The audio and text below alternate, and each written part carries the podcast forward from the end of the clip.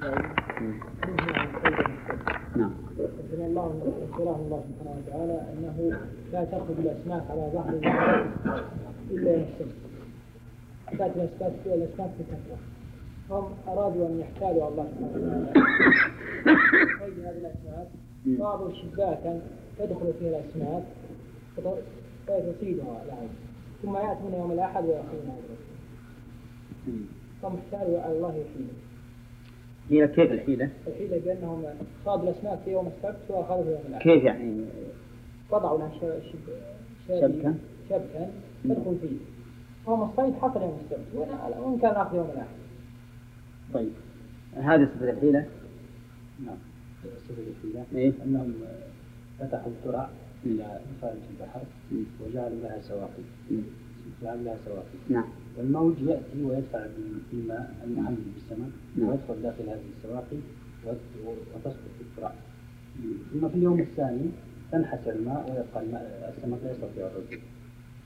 نعم. فيأخذوه يوم ال- الأحد. نعم. هذا هذه صفتين بعضهم قال مثل ما قال إبراهيم ان يضعون شباكا فتدخل فيه السمك في يوم السبت ولا تخرج منه. وبعضهم يقول لا. إن يفتحون سواقي على مجتمع من الماء ثم تدخله الاسماك طيب هذا الفعل يعتبر حجاج. وش حكمه؟ يعني تعدي تعدي حلال ولا حرام؟ لا حرام. كيف حرام وهم ما صادوا الا يوم الأحد؟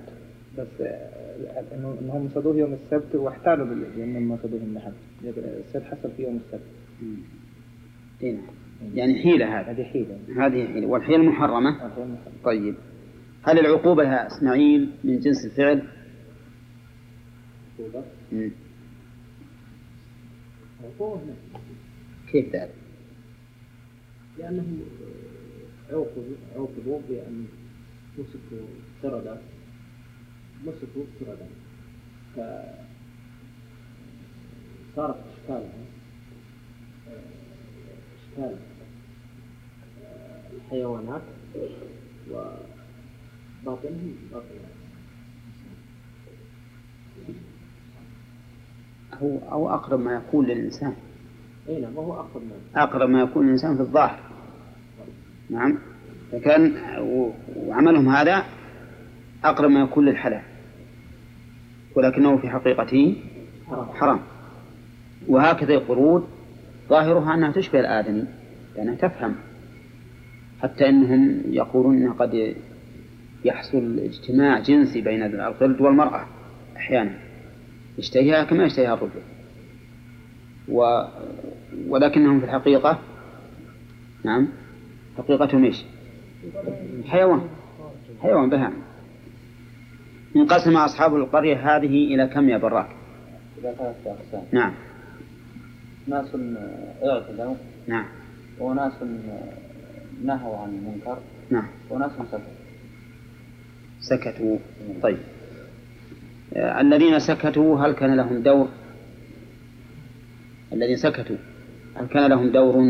الذين سمعتم يعني قالوا إنه كيف تؤمنوا ناس كيف تؤمنوا ناس والله الله سبحانه وتعالى معذبهم.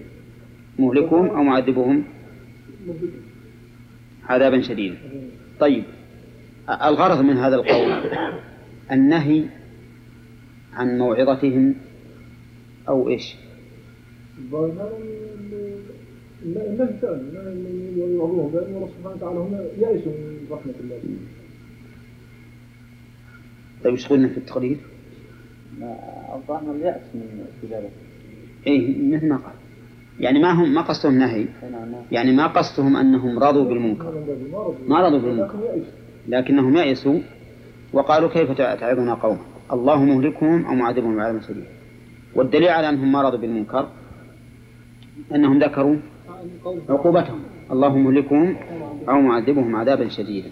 يعني هذا يعتبر تثبيت. ها؟ يعتبر تثبيت. في نوع من التثبيت ما في شك. تثبيت. طيب في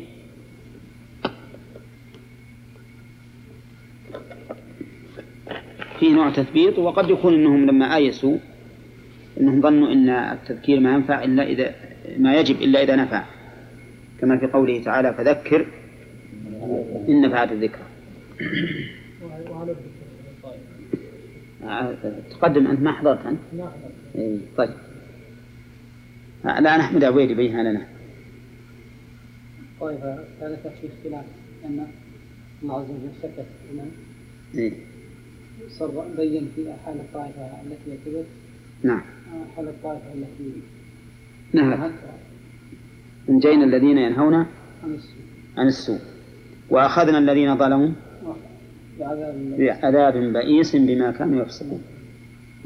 فطائفة ثالثة فيها خلاف هل هي تدخل الذين ظلموا؟ نعم. أو أن الله عز وجل سكت عنها فنسكت عنها فنسكت عنها إيه. ويعني رجحت أن نسكت عنها وإن قلنا فنقول تدخل في مع الظالمين أن الله خلق بعذاب ولم ولم ولم يطلبهم قردة يعني حتى إذا قلنا أنه أخذت الثالثة فهم أخذوا بعذاب بئيس. لأن الذين قلبوا قردة هم الذين اعتدوا. ولقد علمتم الذين اعتدوا منكم. السبت فقلنا لهم كونوا قردة. وقال فلما عتوا عما نهوا عنه. عما نهوا عنه قلنا لهم كونوا قردة خاسئين وحينئذ يبقى النظر هل تدخل الطائفة التي قالت لم تعظون قوما في قوله أخذنا الذين ظلموا بعذاب بئيس أو ما تدخل. قلنا أن فيها خلاف بين أهل العلم لأن الله تعالى ذكر طائفتين أنجينا الذين ينهون وأخذنا الذين ظلموا. فصار عندنا منجى وم- ومؤاخذ. نعم. ومقلوب. المقلوب قطعا هي الطائفة الثالثة معتدية والناجي الطائفة الناهية. هذه واضحة. بقينا الذين ظلموا هل هم داخلون أو لا.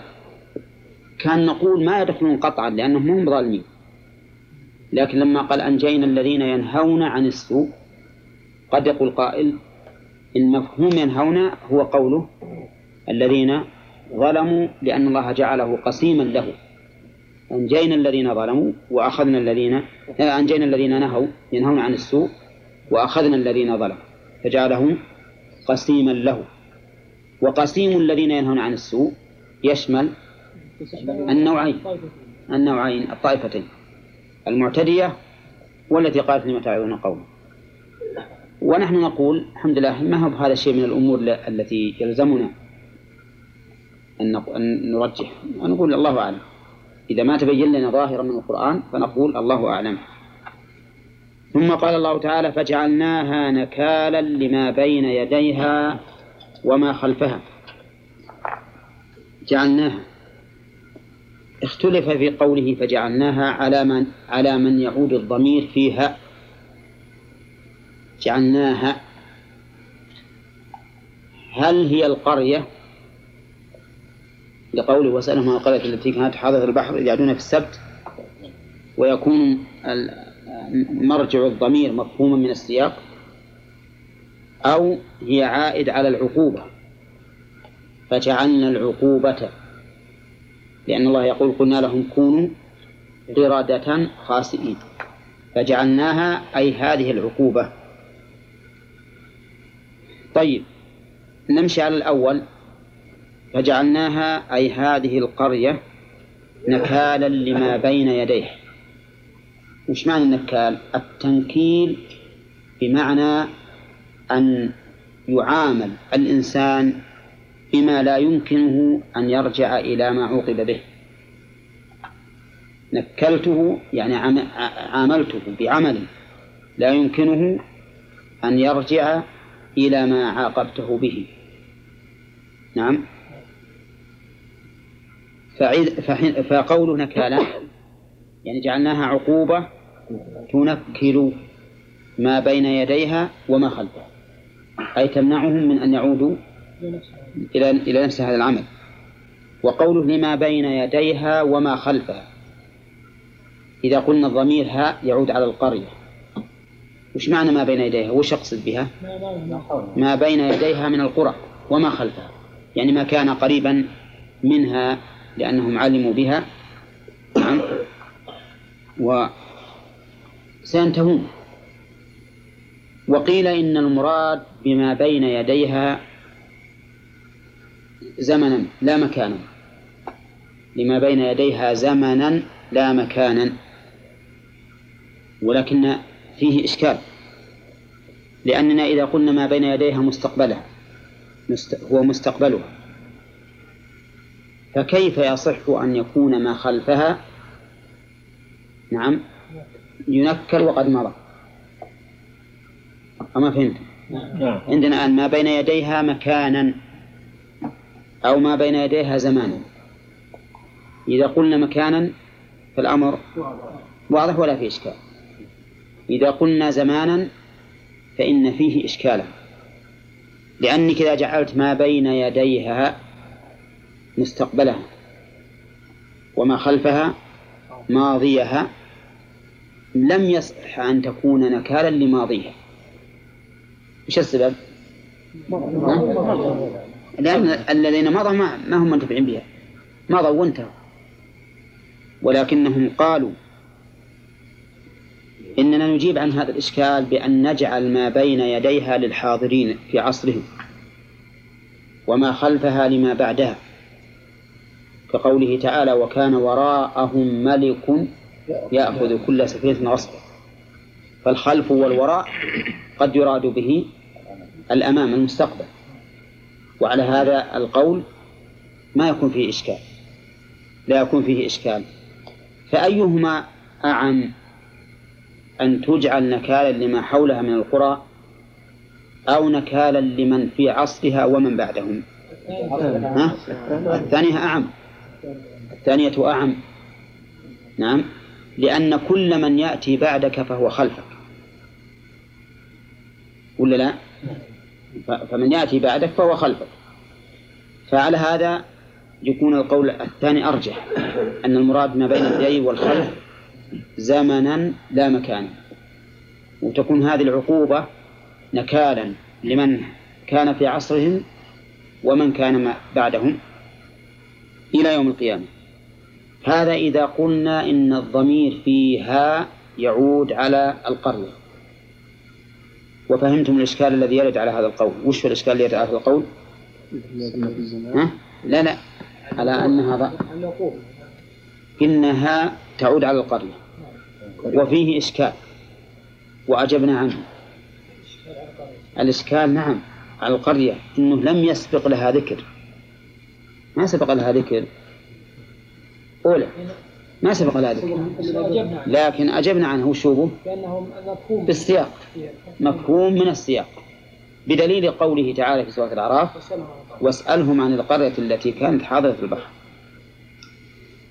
إذا قلنا بأن ضمير ها يعود على العقوبة فجعلنا هذه العقوبة نكالا لما بين يديها وما خلفها يصير المراد بما بين يديها وما خلفها من الأعمال لا من الزمان ولا من المكان.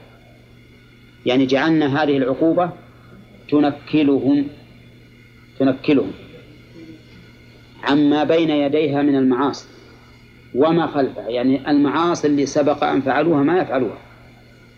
ما يفعلونها والمعاصي المستقبل أيضا ما يفعلونها لأنهم كلما تذكروا هذه العقوبة خافوا.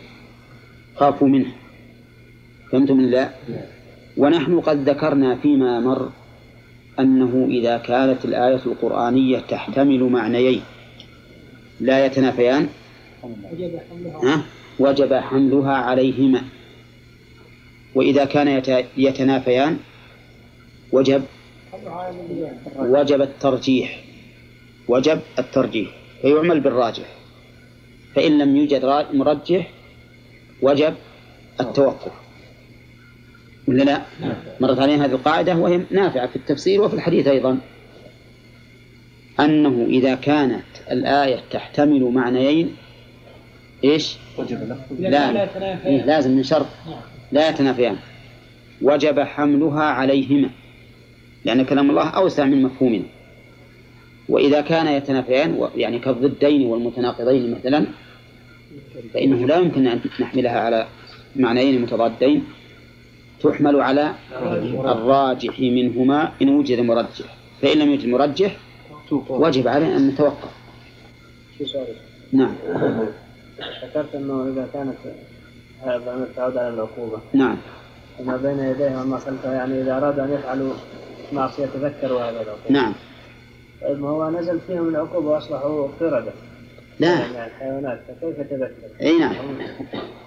هؤلاء القردة ماتوا صحيح. هذا هذا وارد. لكن هؤلاء الجماعة ثلاثة أصناف. ثلاثة أصناف. صنف سكتوا وصنف نهوا وصنف اعتدوا ف- فغلبوا قردة وماتوا.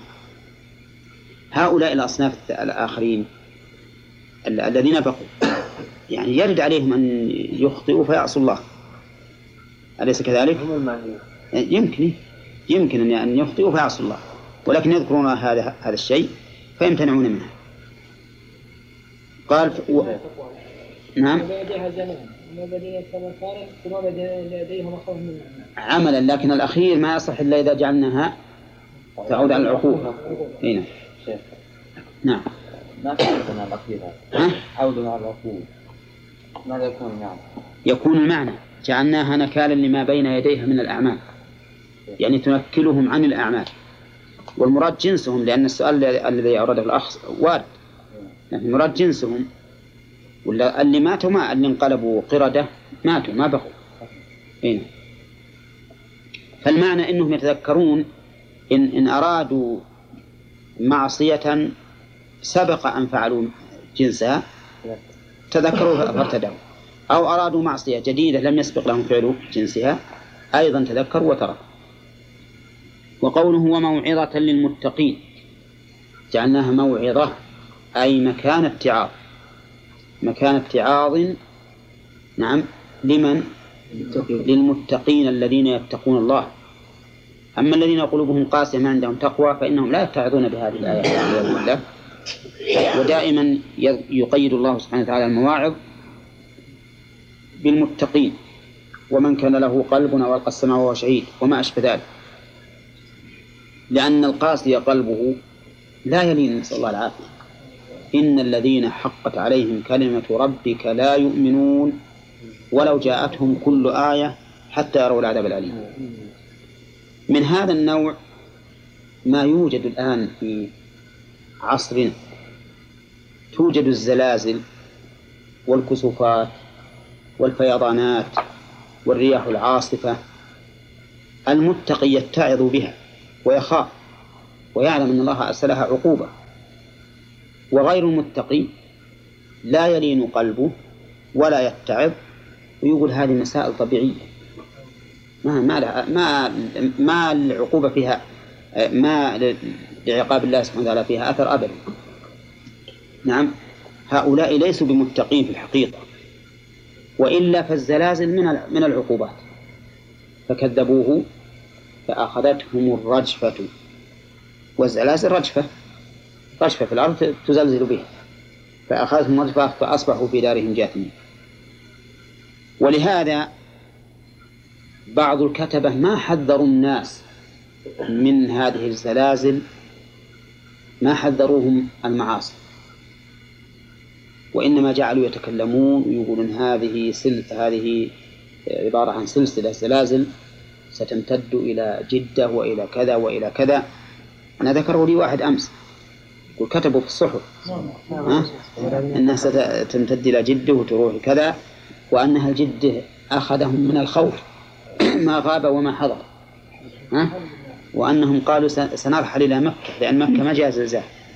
هكذا قال واحد وحدثني من أهل جدة أمس عنده يقول حتى أنها اضطرت وزارة الإعلام أن تكذب هذا الخبر وتخلي ناس من الخبراء يتكلمون بالتلفزيون عن عن الزلازل وأن جدة ما جاء زلازل و... وأن الزلازل أكثرها في البحار. من نعمة الله أنها أكثرها تكون في البحار ما تكون في اليابس. هكذا سمعت. ولا ما تبعت الخبر هذا؟ لكن كان الواجب على المسلمين يا جماعة الواجب عليهم مو بهذا. واجب أنهم يخوفون الناس. مهما قلنا إنها أسبابها طبيعية فمن الذي قدر أن يكون السبب الطبيعي في هذا الوقت المعين وفي هذه الأمة المعينة؟ إلا الله. معصيتهم مكتوبة والطائفة مكتوبة والزمن مقرر والمكان مقرر. من قديم. في الأزل. في الأزل. لنفرض أن هذه لها أسباب حسية. لكن تقديرها في زمنه وفي الأمة التي التي سكنت على هذا الجزء الذي اهتز نعم. هذا مو بتقدير الله. بتقدير الله عز وجل. إذا فهذا الشيء مكتوب من قبل. هؤلاء كتب عليهم أن يعصوا ولكن طبعا معلوم أنهم بين لهم الحق. لو اهتدوا لرفع عنهم العذاب. لو اهتدوا لرفع عنهم العذاب مثل ما رفع عن قوم يونس. قوم يونس أخذهم العذاب لكن آمنوا. نعم. فرفع الله عنهم. فلولا كانت قرية آمنت فنفعها إيمانها إلا قوم يونس. لولا بمعنى ما كان. ما كانت قرية آمنت فنفعها إيمانها بعد أن نزل بأس الله بها إلا قوم يونس. أنا قصدنا أن المواعظ الشرعية التي تكون بالوحي أو المواعظ الكونية التي تكون بالفعل بالتقدير. هذه ما ينتفع بها إلا المتقون المؤمنون العارفون بالله. أما غيرهم فلا ينتفعون بها. وإن يروا كسفا من السماء ساقطا قطع من العذاب تنزل عليهم من السماء يقول سحاب مركوم نعم؟ نسأل الله العافية. نعم. قال الله تعالى وإذ قال موسى لقومه إن الله يأمركم أن تذبحوا بقرة وهذه من بلايا بني إسرائيل. استمعوا إليه. وإذ قال موسى لقومه قومه إضافة القوم إليه لبيان أنه عليه الصلاة والسلام لا يمكن أن يقول لهم إلا ما فيه خير. لأن الإنسان لأن الإنسان سوف ينصح لقومه أكثر مما ينصح لغيرهم مع أن الرسل عليهم الصلاة والسلام ينصحون لأممهم عموما. نعم. ممكن سؤال قبل ما ننتقل عن الموضوع الآخر نعم. آه جعلناها مكانا لما بين يديها وما خلفها وموعظة. نعم. هنا إذا كان هذا الضمير يعود على القرية فكيف تكون القرية هي الموعظة؟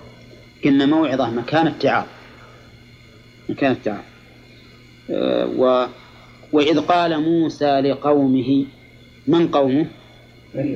بنو إسرائيل. إن الله يأمركم أن تذبحوا بقرة. قالها في جواب ذكره الله في أثناء القصة. وإذ قتلتم نفسا فادارأتم فيها والله مخرج ما كنتم تكتمون. قتل منهم نفس وقد ذكر المفسرون هنا إسرائيليات كثيرة حول هذا الموضوع. ولكننا نحن لا يعنينا أن نعين من هذا القاتل ومن هذا المقتول.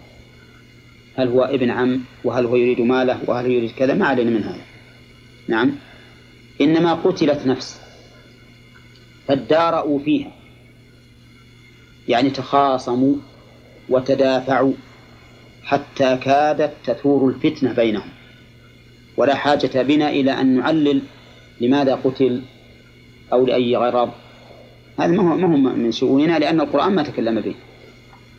ولكن غاية ما يكون أن نأخذ عن بني إسرائيل ما لا يكون فيه قدح في القرآن أو تكذيب له. هم قتلوا نفسا فادرأوا فيها واختصموا. كل يدعي أن هؤلاء قتلوه وكادت الفتن تقوم بينهم. فقالوا ما حاجة إلى أننا نتقاتل ويذهب بعضنا بعضا. نذهب إلى نبي الله موسى ويخبرنا من الذي قتله. فذهبوا إليه. فقال لهم إن الله يأمركم أن تذبحوا بقرة. صدر الأمر من الله. ما قال آمركم ولا قال اذبح قال إن الله يأمركم أن تذبحوا بقرة. ليكون أدعى إلى قبولهم وامتثالهم. لأنه لو قال اذبحوا بقرة قد يتوهم متوهم من هذا من اجتهادات من اجتهادات من موسى. لكن إذا قال إن الله يأمركم ارتفع إيهام الاجتهاد. ولا لا؟ ووجب أن يكون قولا جادا لا هزءا إن الله يأمركم. ومع هذا اللفظ الصريح أن تذبحوا بقرة. قالوا أتتخذنا هزوا؟ أعوذ بالله. أتهزأ بنا؟ مع أنه أسنده إلى إلى الله. وهذا والعياذ بالله من عتوهم. كيف هو نبيهم؟ ويعرفون النبي ومؤمنون به ويسند الأمر إلى الله. ثم يقولون أتتخذنا هزوا هل هذا ممكن؟ ها؟ ما يمكن لو نسب الفعل إليه لقلنا وإن كان بعيدا لكن قد يكون إنه يريد أن لكن هذا بعيد يعني باعتبار أنه نبي معصوم عن أن يهزأ بالخلق نعم ما يمكن يقع لكننا نقول لهؤلاء تنزلا مع عقولهم لو أن موسى صلى الله عليه وسلم قاله من عند نفسه لقلتم لعل هذا اجتهاد منه وليس بأمر من الله. لكن إن الله يأمركم ثم يقولون أتتخذنا هزوا. هزوا هذه مصدر. وهي بمعنى اسم المفعول. أي أتتخذنا مهزوءا به. ويجوز أن تكون هزءا على بابها ويصل المعنى أتتخذنا ذوي هزء. فحذف المضاف وأقيم المضاف إليه مقامه.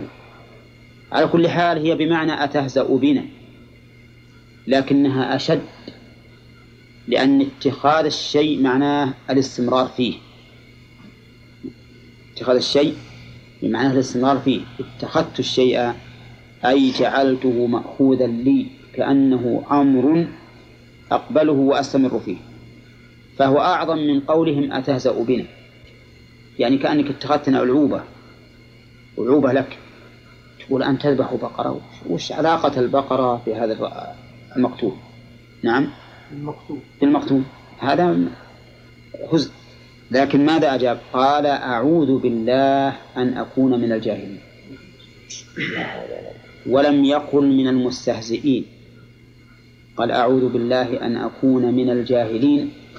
والمراد بالجهل هنا ليس ارتكاب الخطأ عن غير عمد ولكنه ارتكاب الخطأ عن عمد. لأن الجهل يطلق على السفة كما في قوله تعالى إنما التوبة على الله الذين يعملون السوء بجهالة ثم يتوبون من قريب.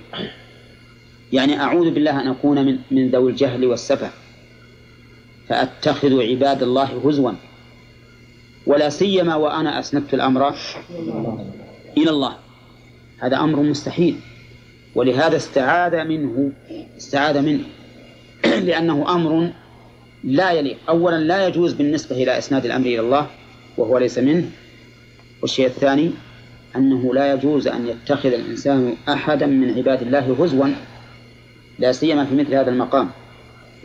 وفي هذا دليل على أن الهزء بالخلق من السفة وذكرتها هذه بالحقيقة خرجت في غير محلها لأن الفوائد لم تجي هنا. لم يقل مستهزئين ليش؟ نعم. لم يقل لم يقل مستهزئين. لأجل أن يبين أن الاستهزاء بالخلق أو اتخاذ هزوا من الجهالة والسفة. نعم. أنت قلت آه، شو اسمه الاتخاذ معنى الاستمرار. نعم. بالفعل. أي نعم. إذا قول الله عز وجل واتخذ قوم موسى من بعده من خليه صلى الله أي نعم. ما استمروا على ذلك. لا لا سيف. حتى جاء موسى. إيه يعني ما استمروا استمروا طول حياتهم على ذلك. أي مو بلازم. لأن ال- الاستمرار بحسب الشيء. مو بلازم أنهم يستمروا طول حياتهم.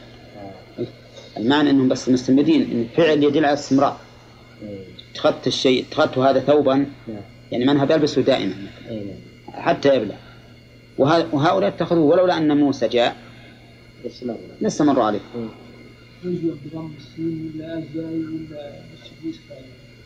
لا هزوا بضم الزاي. ما هي عندكم بضم الزاي؟ وعندي وعندي فيها قراءتين أيضا. هزءا وهزؤا نعم. عندي فيها قراءتين غير اللي بالأصل. هنا. طيب وفيها أيضا إن الله يأمركم فيها قراءة التسكين. إن الله يأمركم إن الله يأمركم أن تذبحوا بقرة. نسيت أعلمكم بها. نعم. طيب وجه هذا التخفيف. ولا ما له وجه من جهة قوله أتتخذون وزن قال أعوذ بالله أن أكون أعوذ بمعنى أعتصم بالله. والاستعاذة ما تكون إلا بالله سبحانه وتعالى. أو بأحد فيما يقدر عليه. ولا لا؟ أي نعم. من استعاذكم فأعذوا. قالوا أتتخذونه هزوا؟ قال أعوذ بالله أن أكون من الجاهلين.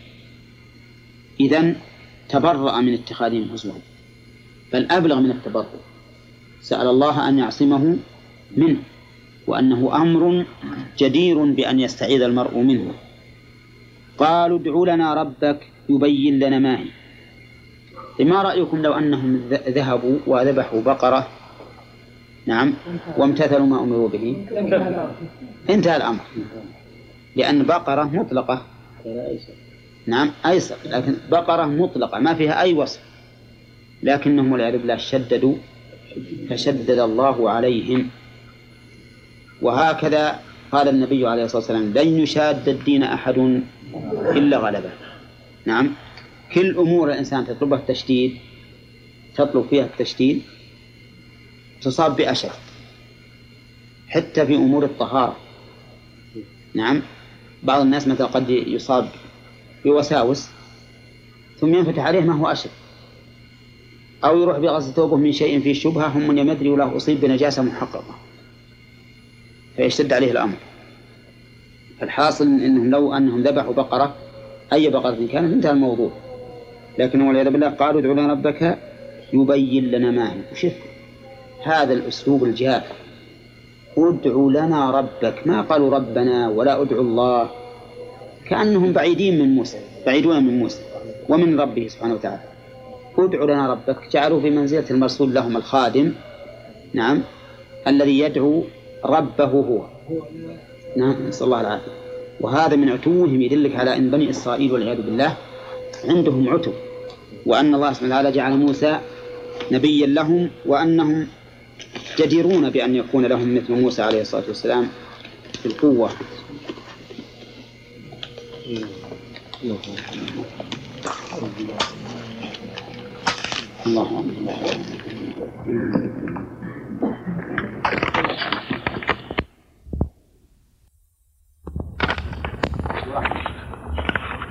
أولا في هذا دليل على فوائد في هذه الآية. الرحمة بالفضل أولا أن الله سبحانه وتعالى لا يظلم أحدا.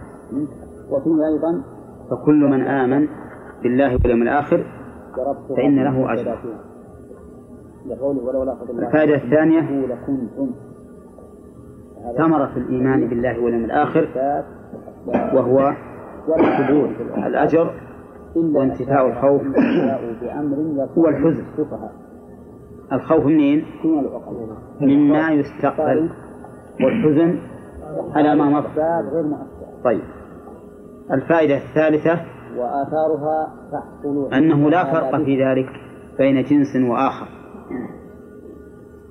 الذين هادوا والنصارى والصابئين مثل المؤمنين إذا إذا آمنوا بالله واليوم الآخر. نعم. وإن كان المؤمنون من هذه الأمة يمتازون على غيرهم وهم أكثر أجرا لكن لهم أجرهم.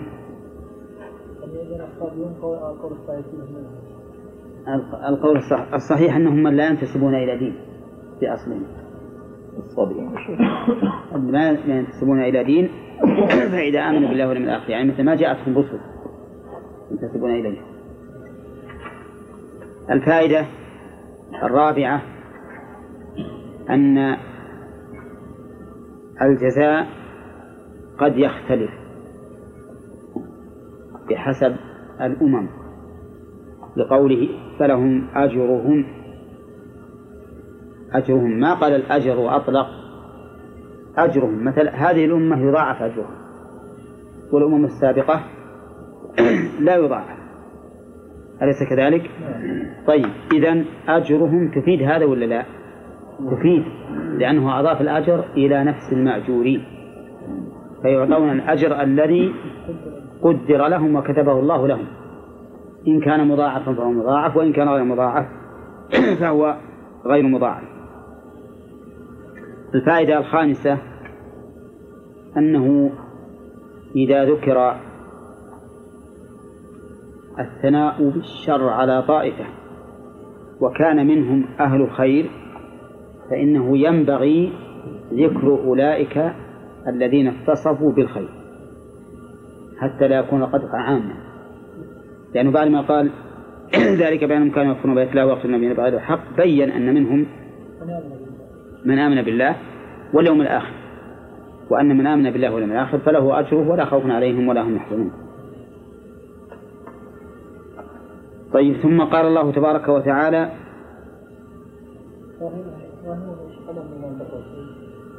لا لأنه من تمام الإيمان بالله الإيمان بالرسل والإيمان بملائكته وكتبه. والقدر خيره وشره. كل هذا داخل في الإيمان بالله لأنه أخبر عنهم قال وإذا أخذنا ميثاقكم ورفعنا فوقكم الطور خذوا ما آتيناكم بقوة واذكروا ما فيه لعلكم تتقون. ثم توليتم من بعد ذلك. في هاتين الآيتين أولا تذكير الله تبارك وتعالى لهذه الأمة يعني بني إسرائيل بما أخذ عليهم من عهد. قوله خذ نعم. وإذا أخذنا ميثاقكم ورفعنا فوقكم الطور وهذا التذكير معناه الالتزام يعني فالتزموا بالميثاق. أليس كذلك؟ ثانيا عتو بني إسرائيل حيث لم يؤمنوا إلا من تحت السياق كما يقولون. لماذا؟ ما آمنوا إلا حين رفع فوقهم الطور وقيل إما أن تأخذوا ما آتيناكم بقوة وإلا أسقطناه عليكم. فحينئذ آمنوا. وهذا الإيمان في الحقيقة شبه اضطراري شبه اضطراري وكل إنسان يبي يؤمن على الأقل خوفا من من الهلاك والفوات وفيه أيضا دليل على قوة الله عز وجل. لقوله ورفعنا فوقكم الطور. وقد قال الله تعالى في آية أخرى وإذ نتقنا الجبل فوقهم كأنه ظلة من يحمل جبل الطور؟ ها؟ ما, ما أحد يستطيع. ما أحد يستطيع من الخلق أن يحملوه. ولكن الله تعالى بقدرته حمله وصار كالظلة الأحجار العظيمة الثقيلة الكبيرة. أمسكها الله بقدرته. كما أنه جل وعلا يمسك الطير صافات ويقبض. إذا صار يقبض تقول نعم يقبض إذا قال هكذا دخل هواء وحمل نفسه لكن الغريب أنه صافات. صافات ما تتحرك أجنحتها ومع ذلك تندفع أو تقف أحيانا. من الذي أمسكهن؟ ما يمسكهن إلا الله. نعم. ففيه أيضا دليل على قدرة الله سبحانه وتعالى.